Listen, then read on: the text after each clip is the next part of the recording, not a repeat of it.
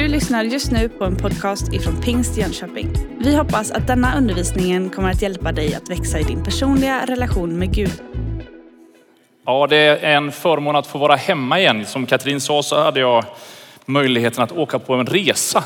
Faktum var att jag fick tillsammans med en annan delegation från Sverige, Sverige vara med på världspingstkonferensen i Kanada. Och i samband med den också resa tillsammans med Hans Wikström som är ledare för Pingst Socialt. Pingströrelsen i Sveriges gemensamma sociala verksamhet.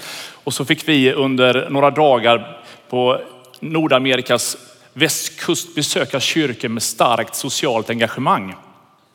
Och jag eh, har otroligt mycket att berätta utifrån det. Och jag ska ta det vid ett annat tillfälle. Jag ska inte predika om det idag riktigt, men det tangerar en del saker. Men man kan bara säga att Guds församling är suverän över hela världen. Pingströrelsen växer så det knakar. Den karismatiska rörelsen över hela världen expanderar.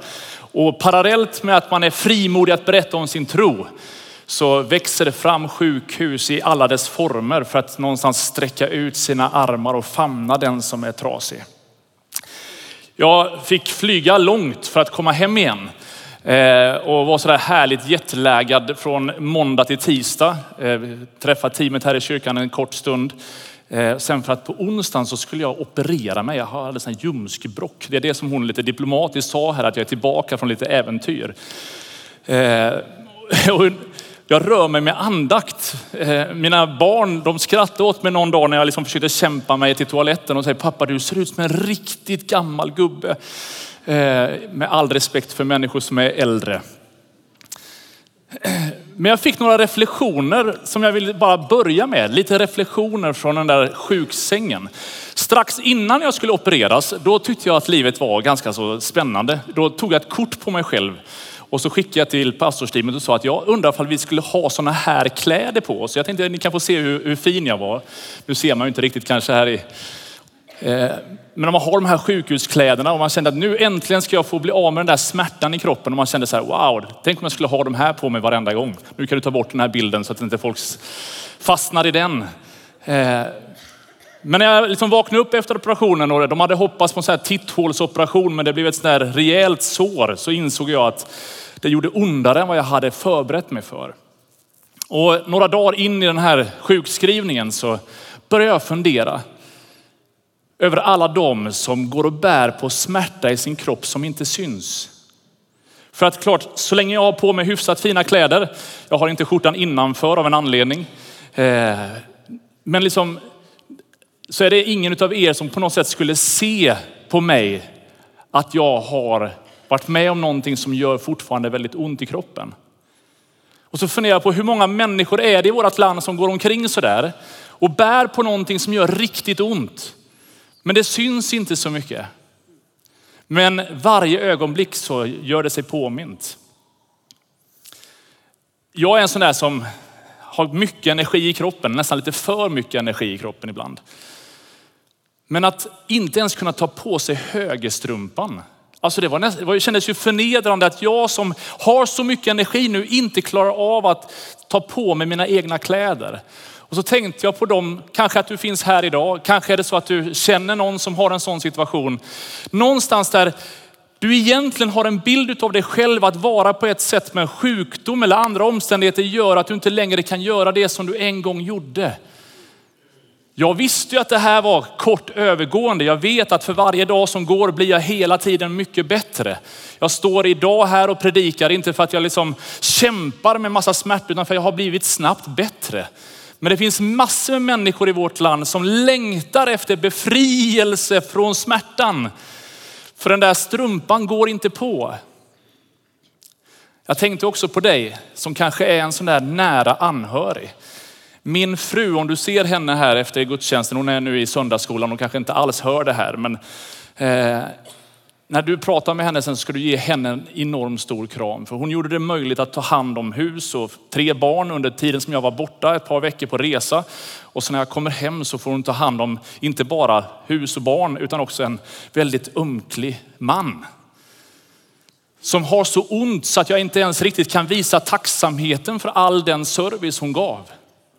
Och jag har tänkt på alla er som har det är lite grann på det där sättet. Du kämpar, du är en sån där anhörig som står där. Ingen ser. Men åh, om du kunde förstå att han som ser i det fördolda, han är på din sida. Och jag skulle önska att när vi läser de här bibelverserna alldeles strax från Jesaja kapitel 40, att du skulle kunna ta in varenda stavelse i den här texten in i ditt liv. För det som står här på de här tavlorna är inte bara några fina formulerade liksom bilder, utan det är en verklighet som vi kan få leva i och som kan ge kraft in i den situation som du just nu befinner dig i. Och är det så att du är en sån där som har smärta på insidan som inte syns. Eller en anhörig som kämpar för en som på något sätt inte har den kraften som finns. Eller vad det än är som gör att just nu saknas energin, kraften och hoppet i ditt liv. Så är det här inte bara en tillfällighet. Det är någonting som kan vara din verklighet. Ett levande hopp. Katrin läste här i inledningen att, att Gud har en framtid och ett hopp för oss. Ska vi resa oss upp och så ska vi läsa från Jesaja kapitel 40. Och om du har svårt att stå så är jag den första att säga jag förstår precis hur det känns. Därav den här sköna stolen här så jag ska kunna sitta så här fint pedagogiskt. Så här står det, Jesaja kapitel 40 från vers 26. Lyft blicken mot höjden och se. Vem har skapat allt detta? Det är han som för fram hörskaran där uppe i räknade skaror. Med sin stora makt och sin väldiga kraft nämner han dem alla vid namn. Ingen enda uteblir. Hur kan du Jakob säga, du Israel påstå, min väg är dold för Herren.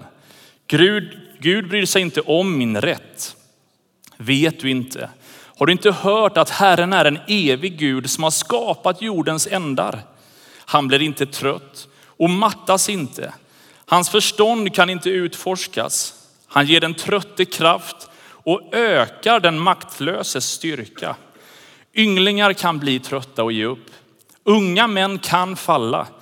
Men de som hoppas på Herren får ny kraft. De lyfter med vingar som örnar.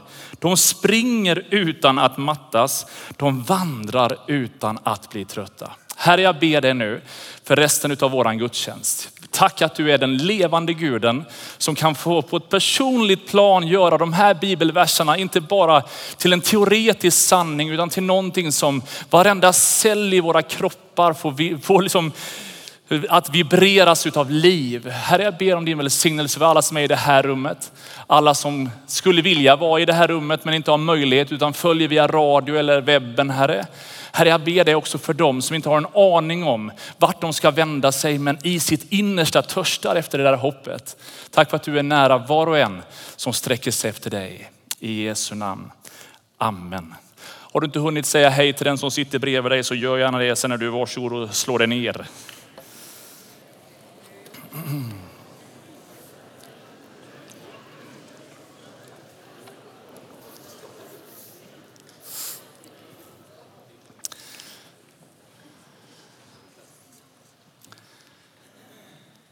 man blir sängliggande en tid så är det ju befriande att bara komma ut på altanen och känna frisk luft i lungorna.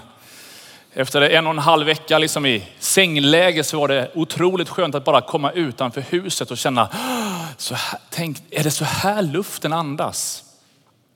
Lite grann är det det Jesaja ger uttryck, ger uttryck för att någonstans återerövra fascinationen över vem Gud är och hur stor Gud är. Och så målar han upp bilden av universums skapare och herre som säger bara, ja, här har jag skapat, det här har jag gjort. Vem har skapat det, allt det här? Jo, det är han som för fram härskaran med sin stora makt, sin väldiga kraft. Han nämner varje stjärna vid namn. Ingen enda uteblir. Han blir inte trött, han mattas inte, hans förstånd kan inte utforskas. Det verkar som att ju mer vi ändå försöker förstå honom, ju mer bara förundras vi över hans storhet och godhet. Jag vet inte hur eh, mycket kunskap du har om liksom så här, stjärnor och planeter och universum, ifall du tycker det är fascinerande eller inte. Jag har ett syskonbarn som är helt inne på att bli astronaut. Så han liksom kämpar med att läsa mer och mer matematik. Det var länge sedan han tog studenten, men jag fattar inte hur mycket matematik man kan läsa. Räcker det inte med plus, minus, gånger? Det verkar inte finnas någon bortre parentes på hur mycket matematik man kan läsa. Eh, och jag har förstått liksom att universum är oerhört komplext.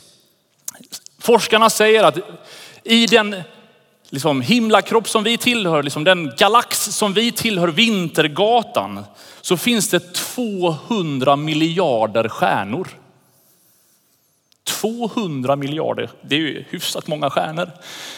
På natten så är det lite enklare för oss att någonstans se en, liksom, lite mer kring hur många de är och vart de befinner sig. För att just våran planet, vi befinner oss lite grann i, i mitten utav det där systemet så att vi ser ganska långt i båda riktningarna på något sätt. Både liksom inåt i centrum mot vår galax och ut mot gränsen. Problemet är ju bara att det här är ju inte den enda galaxen i universum. Utan hittills har man trott att någonstans runt 100 miljarder galaxer finns det sen i universum. Så att det finns 200 miljarder stjärnor i våran galax och det finns ungefär 100 sådana miljarder galaxer. Men de senaste 15 åren så har man konstaterat att det är nog 20 gånger mer än så. Det verkar finnas mer än 2000 miljarder galaxer och i den är våran galax ganska liten och den har då x antal miljarder stjärnor. För att jag är lost redan i hur många nollor det här blir. Jag funderade på att sätta ut alla nollor här på estraden och bara insåg att det skulle bli hyfsat många nollor för att någonstans beskriva hur många stjärnor som finns. Och i det säger Jesaja att han nämner alla dem vid namn. Han har liksom koll på det han har skapat. Ni verkar fortfarande vara lite morgonsömniga så jag ska ge er chansen att titta på skärmarna så ska ni få följa med på något sätt till en kvinnas perspektiv som har lagt sig i det gröna gräset för att titta upp mot skyn. Ungefär så här ser det ut. Om vi liksom lyfter blicken från vår planet. Så varsågod Fredrik, dra oss vidare in i detta. Är du redo? Här ligger hon och tittar upp mot stjärnorna. Efter några meter så kan man zooma in den trädgård hon ligger i. Bilden är tagen i Kalifornien, i Silicon Valley, några av de som arbetar med högteknologiska kameror. Och så zoomar man ut och så kan man se både Amerikas västkust och ju längre upp i perspektivet man kommer så får man se hela Nordamerika och så kommer man utanför det och så ser man jorden. Och eh, nära, nu är vi uppe i tusen kilometer, en miljon kilometer, men då kan man ju faktiskt se hur jorden är där. Och ju längre och längre ifrån de här perspektiven vi kommer så blir ju jorden mindre och mindre och det finns mer och mer komplexa planeter, stjärnor. Hela vårt solsystem, hundra miljarder, triljarder, det är ju sådana astronomiska, helt konstiga avståndsbegrepp att någonstans ta tillvara. Det verkar inte ta slut. Det verkar som om det där som på något sätt vi lever i bara är en liten del utav allt det stora.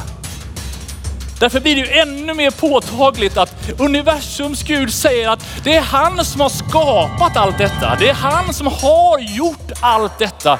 Han vet hur det funkar, han vet hur det är konstruerat och han på olika sätt bara sträcker ut sina händer och bär detta mellan sina fingrar. Alltså Guds storhet är ju gränslös. Men Gud säger också, att även om han är så oändlig, även om han är så stor, stor, så storslagen, så ser han varenda människa. Han är inte bara den där guden som ser de stora perspektiven, utan han vet precis vad som rör sig. Och han tittar inte bara på din utsida, utan han lika djupt ser han in i ditt liv. Han vet precis vad som rör sig där. Vad du går och bär på, vad som tynger dina axlar, vad som du funderar kring, vad som är dina glädjeämnen, vad som är dina problemområden. Alltså den här, man, blir, man tänker sig, när tar det slut? Kan du tänka dig att han som har allt detta i sin hand också vet vem du är? Det är helt enormt. Ju mer jag har tittat på det här filmklippet, ju mer fascinerad är jag. Jag trodde att Gud var stor, men jag bara inser att jag anar inte tillräckligt. Eh, liksom hans enorma kapacitet. Det är sant så som vi läste. Hans förstånd kan inte utforskas. Och jag tänker att den där guden är våran Gud. Är du med? Det är ju helt fantastiskt. Universums herre, han är våran Gud. Han som har skapat allt detta, det är han som säger var inte rädd, frukta inte för jag är med dig. Det är han som säger jag ska ge er en framtid och ett hopp.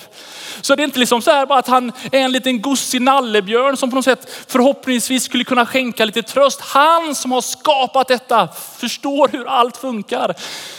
Ah, ja, jag var ingen stjärna i biologi men, eller fysik, men när jag ser det här och jag läser om det här så bara inser jag den intelligensen som håller koll på allt det här.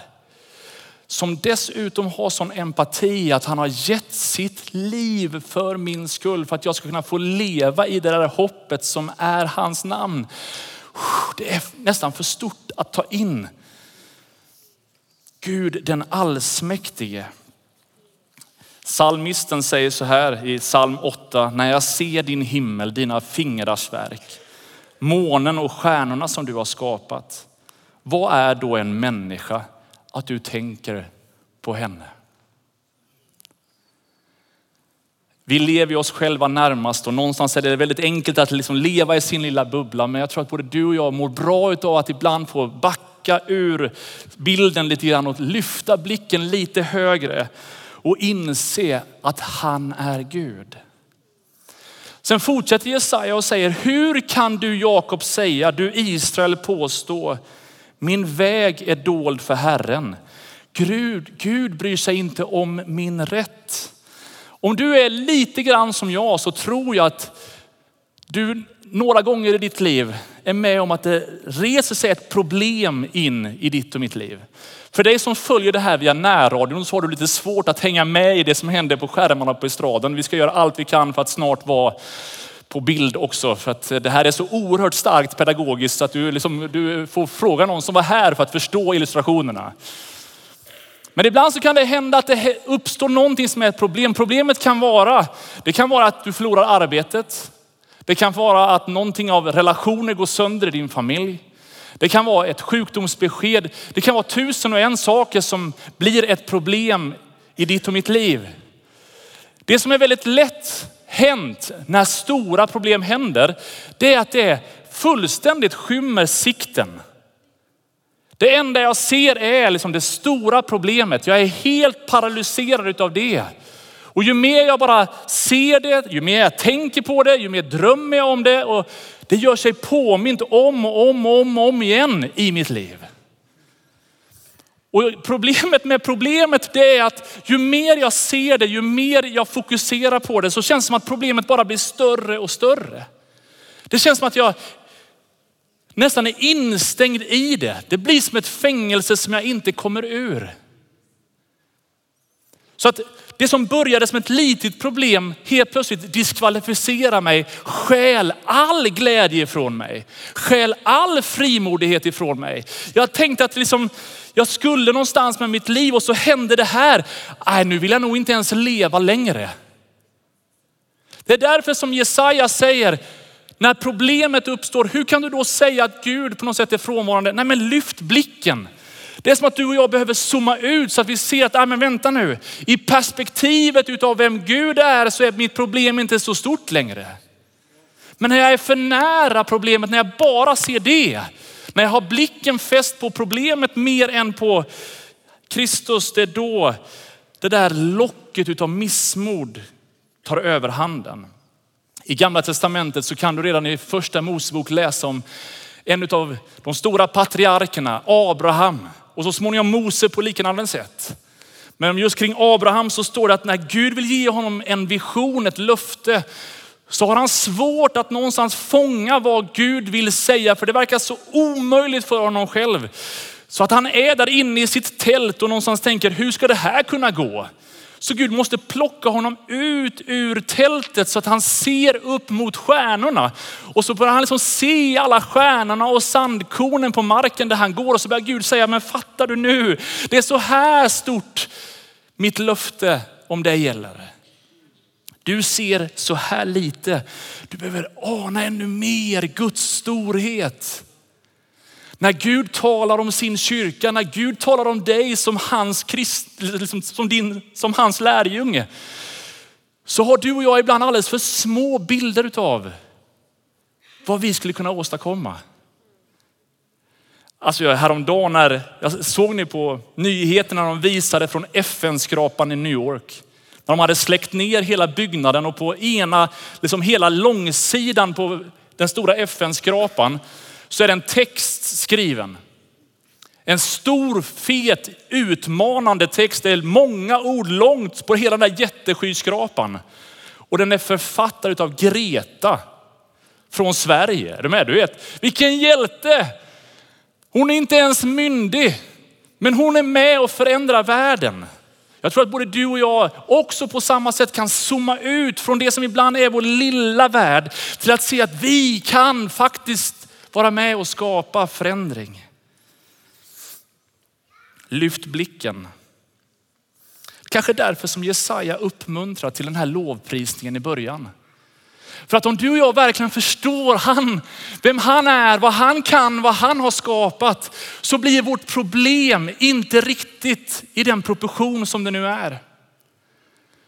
Jag har en god vän som heter Staffan, han är pastor i Värmland.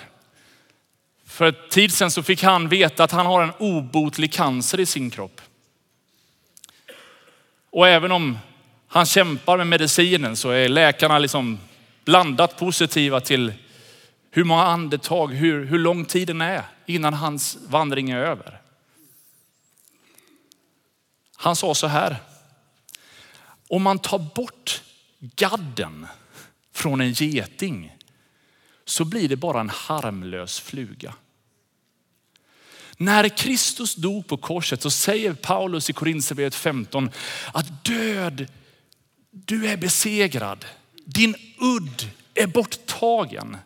Och i perspektivet utav evigheten och det Jesus gjorde på korset så kan till och med en sån hemsk prognos som Staffan fick någonstans bara så här förlora fästet kring själen. Kan liksom bara ta bort den här gadden, udden, giftet som gör att man bara tappar livsgnistan. Och han lägger ut på Instagram i princip varje dag massa saker där han är avundsjuk på sig själv för att han får vara med om så mycket härligt. Perspektiven utav vem Gud är, är mycket större än den sjukdom han bär i sin kropp. Och det är det som Jesaja sjunger ut. Hur kan du säga att Gud har vänt ryggen från dig? Han har till och med koll på hårstråna på ditt huvud. Och i Tonys fall är det lättare än vad det är på Katrins. Men det är liksom, någonstans bara, Gud har koll. Gud vet vem du och jag är. Och jag skulle bara önska att du som kämpar med att problemet, det känns oövervinnligt. Att du skulle få blicka upp på honom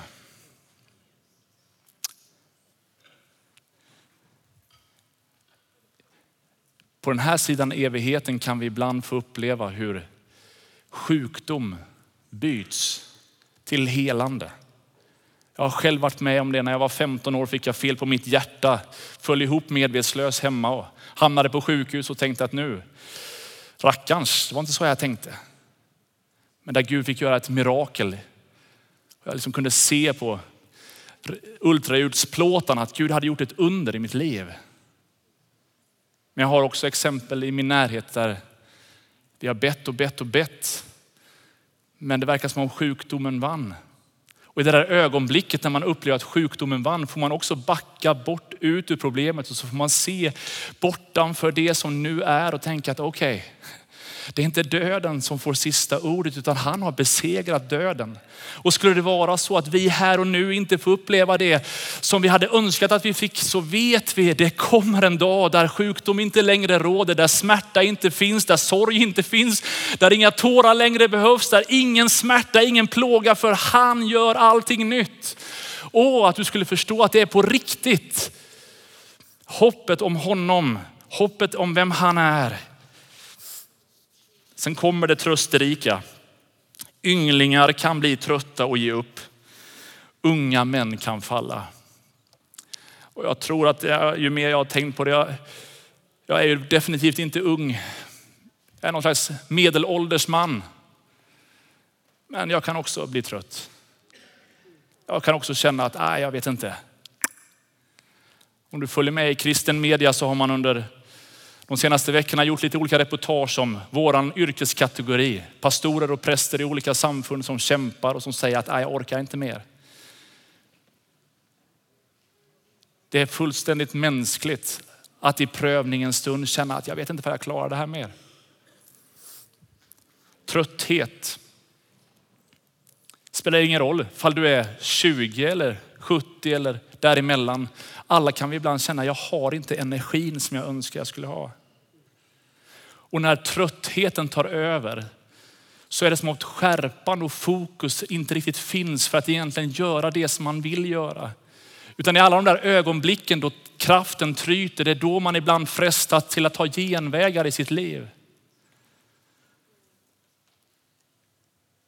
Därför så är det så underbart som Gud säger att du som är trött, jag vill vara din herde. Ta dig till vatten där du finner ro. Det finns en Gud som säger att din trötthet är inte liksom, behöver inte vara ditt evighetstillstånd utan du kan få vila. Du kan få frid.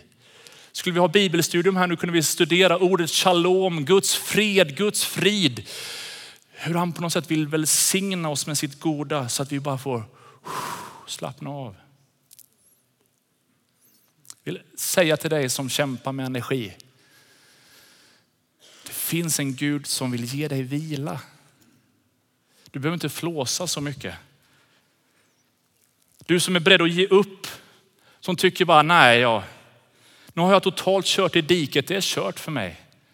Jag har totalt sabbat det. Det känns som att jag kommer vara utvisad från matchen resten av mitt liv. Nej, du får nytt hopp. Vi läste här inledningsvis från Jeremia 29. Jag vet vilka tankar jag har för er, säger Herren. Nämligen fridens tankar och inte ofärdens för att ge er en framtid och ett hopp.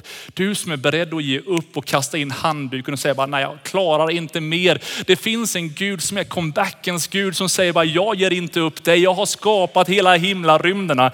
Ibland blir det svarta hål, ibland blir det alla möjliga explosioner, ibland händer det allt möjligt. Men ingenting av det händer utan att jag har koll. Och jag har koll på hårstråna på ditt huvud. Jag vet vad som rör sig i ditt liv. Jag vill ge dig hopp. Jag vill ingjuta nytt mod i dig.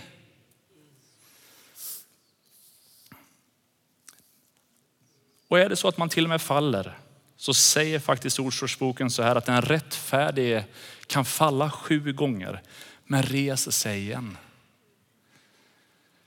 Mina barn när de var små så lekte de med en sån här liten gummianka. Och det spelar ingen roll hur de terroriserar den där gummiankan. Den flöt alltid tillbaka till ytan med sånt där härligt ankleende. Totalt obekymrad av dränkningsförsöket som alldeles nyss hade pågått. Och när du och jag blir uppfyllda av den helige ande så får vi en sån kraft på insidan som gör att absolut svåra situationer kan inträffa. Problem kan uppstå. Men vi reser oss igen. Är du så här melodifestival så kan du liksom lyssna in den där vi reser oss igen och sjunga för dig själv när du kommer hem. Det står i Jesaja kapitel 52. Skaka stoftet av dig och inta din plats. Och jag upplevde här på morgonen faktiskt att jag ville bara säga profetiskt tror jag till någon särskild. Det har hänt någonting i ditt liv som har gjort att du har tappat frimodigheten för att vara i full funktion. göra det som du egentligen gjorde förut och som du kände att Gud hade kallat dig till. Men någonting hände som gjorde att du kom av dig ur det. Och att du skulle bara få skaka stoftet av dig. Det finns ingen fördömelse för den som är i Kristus Jesus. Det spelar ingen roll hur tokigt du har kört i diket. Gud ger inte upp dig. Han släpper inte greppet om dig. Ett misslyckande, det är bara ett, misslyckande ett misslyckande om du inte försöker igen. Sen kommer det vackra avslutningen av den här bibeltexten. Att de som hoppas på Herren får ny kraft. De lyfter med vingar som örnar, de springer utan att mattas, de vandrar utan att bli trötta. Någon har sagt så här att om du vill flyga som örnar ska du inte umgås med höns. Och det finns ju mycket, vi skulle kunna tala mycket om att omge, eh, omge sig med rätt vänner. Men du vet en örn som flyger, vi har otroligt mycket att lära av det. Häromdagen så hade jag möjlighet att möta en av vår kyrkas absoluta fågelexperter. Tyvärr så jobbade han idag, men herr Sten, fotograf Sten, han, han hade gjort, förklarade för mig hemligheten bakom örnens, hur den flyger. Och ju mer han berättar, ju mer kände jag bara att han borde nästan predikat avslutningen just nu så att ni verkligen fattar att det är sant det som sägs. Men det som är intressant med en örn, det är att den tappar inte alla sina fjädrar samtidigt, utan den, den byter ut några hela tiden. Så att det kanske tar fem år att byta fjäderdräkt. Till skillnad från en del andra fåglar innebär det att den, den har alltid full kapacitet. Det är som att den där ständiga förnyelsen utav nya vingfjädrar gör att den aldrig hamnar i ett läge där den har tappat alla fjädrar och någonstans får göra det bästa av situationen tills de nya har växt ut. Det kanske är därför som Paulus uppmuntrar i Romarbrevet 12 att vi ska få anpassa oss inte efter den här världen utan låt er förvandlas genom sinnets förnyelse. Och när du och jag lever i en, en förnyelse av den helige ande i våra liv så är det som att de där vingfjädrarna bara fortsätter att växa som gör att vi aldrig tappar farten. Men om förnyelsen inte finns där så är risken stor att vi står där utan fjädrar och någonstans känner bara, oops, nu kommer vi ingenstans. Det står också faktiskt, eller han förklarade för mig, Daniel, att de här örnarna, de, de lyfter inte när stormen kommer. Utan de är väldigt trygga i sitt bo. De bor där i klippväggen och de håller sig fast där väntar ut stormen. Vi är inte oroliga när stormen kommer utan bara väntar ut den. Och jag tror att både du och jag ibland när problemen kommer inte behöver vara så lösningsorienterade utan egentligen bara landa i, bli stilla. Besinna att jag är Herren din Gud. Jag ska strida för dig. Du och jag kan få vara stilla och har du svårt att hitta den här stillheten så har vi dessutom ett kvällsmöte ikväll där du kan få hjälp att någonstans andas ut stressen, andas ut det där som jagar dig och andas in den där stillheten i att Gud, nu lägger jag dig i dina händer.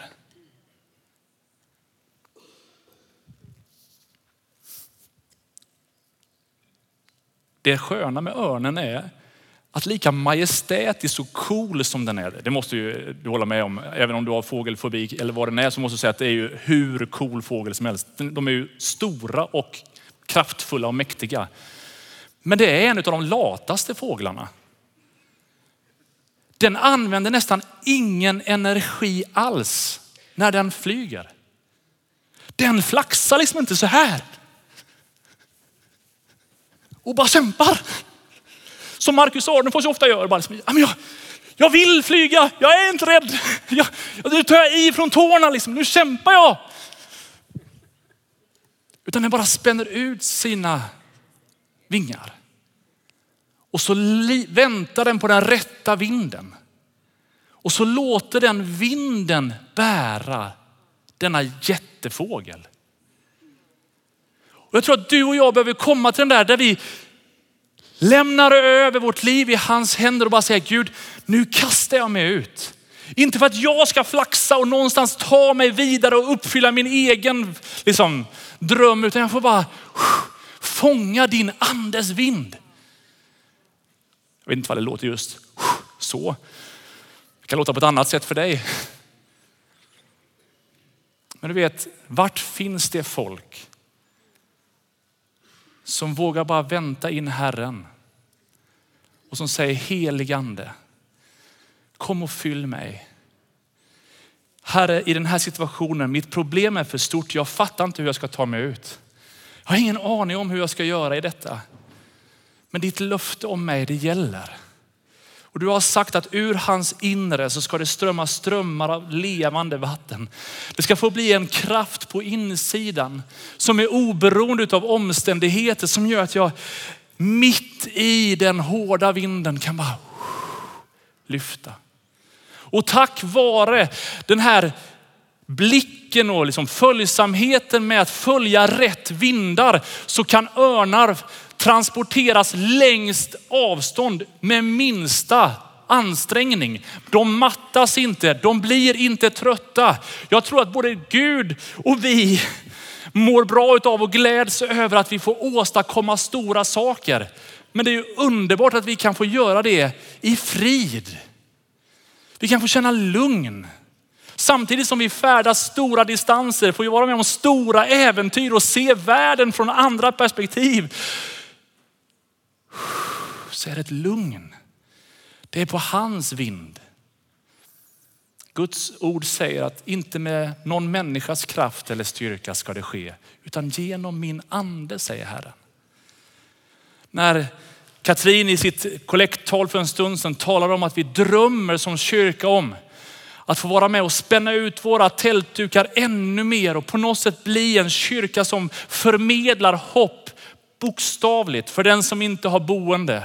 Bokstavligt för den som kämpar med olika problem oavsett vad problemet är. Ja, I de där stora drömmarna så känner vi bara att okej, okay, det handlar inte om att vi ska göra på vårt sätt utan vi, bara, vi vill bara följa med det vi tror är Guds andes vind. Och vi tror att den vinden kommer ta oss längre än vad vi själva hade kunnat våga drömma, tänka eller fundera. Jag ska be att lovsångsteamet kommer fram hit fram så ska vi gå in mot avslutningen av predikan. Låt andens vind få bära dig. Hela essensen av den här bibeltexten från Jesaja 40 handlar om någonstans vem jag sätter mitt hopp till. Den som hoppas på sig själv får en annan ekvation att lösa. Den som sätter sitt hopp till olika politiska system eller till olika materiella grejer. Ekvationen blir annorlunda.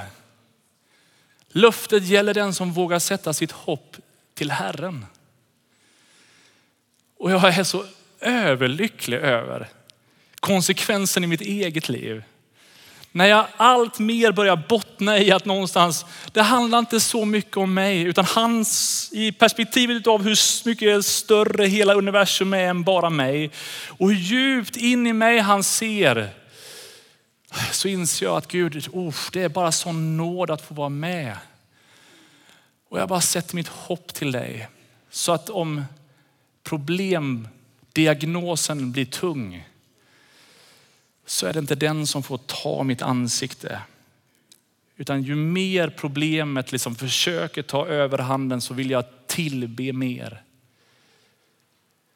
Har under några veckor, några månader gått och burit på några visioner, några drömmar som på något sätt ligger här och pålar på insidan. Och gång på gång så har jag liksom på något sätt hamnat i det där läget att ah, men det där går nog aldrig, det där, det där kommer nog aldrig hända. Men jag märker när jag liksom har bestämt mig för att liksom bara låta mitt vardagsrum bli en plats utav tillbedjan. När jag har lagt undan alla mina visioner och drömmar och bara liksom tillbett honom, lovsjungit Gud, satt på Spotify-listan på hög musik och liksom fått bara be loss. Och också fått bara låta tungotalet få vara den där kraften. Så känner jag bara wow, det bara fyller mig med sån tro.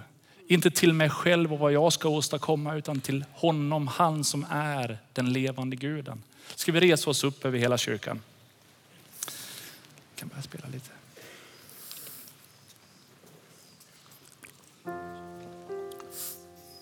Du kan bara blunda där du står en liten stund. Du har suttit, men bara blunda, slut dina ögon. Jag är inte så intresserad just i nuet vad ditt problem är. Det spelar inte så stor roll för mig vad det är som på olika sätt kanske har tagit den där glädjen ifrån dig eller hoppet ifrån dig. Men om du idag skulle vilja säga till Jesus, jag vill att du ska få vara den jag hoppas på. Kanske du aldrig har sagt ditt ja till Jesus förut. Du kanske aldrig har sagt, nu vill jag lita på dig och likt örnen bara ta vara på din vind. Jag vill bara förtrösta på att du finns där för mig. Ska du alldeles strax få räcka din hand som ett enkelt tecken på att det är jag, be för mig. Kanske är det så att du har bestämt dig för länge sedan att följa Jesus, men sådär handen på hjärtat, om du ska vara ärlig med det som kanske inte syns på utsidan, men som du känner på insidan så var det länge sedan som den där relationen mellan dig och Jesus kändes både personlig och levande.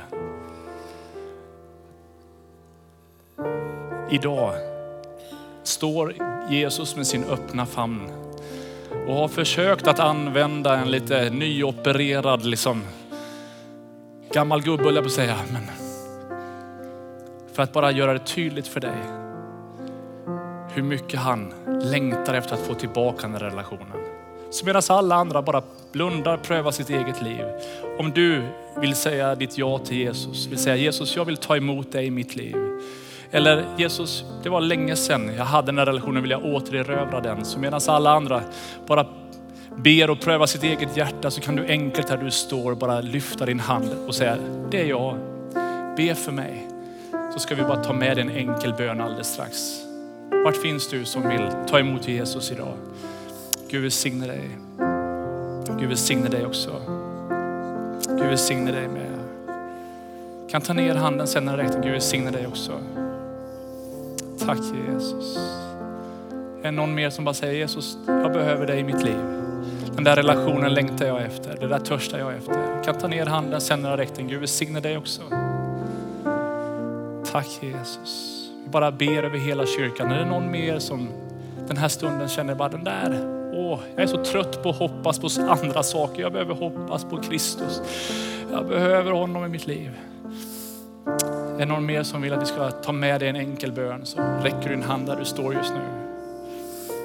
Tack Herre. Gud välsigne dig också. Du kan ta ner den sen när räck den.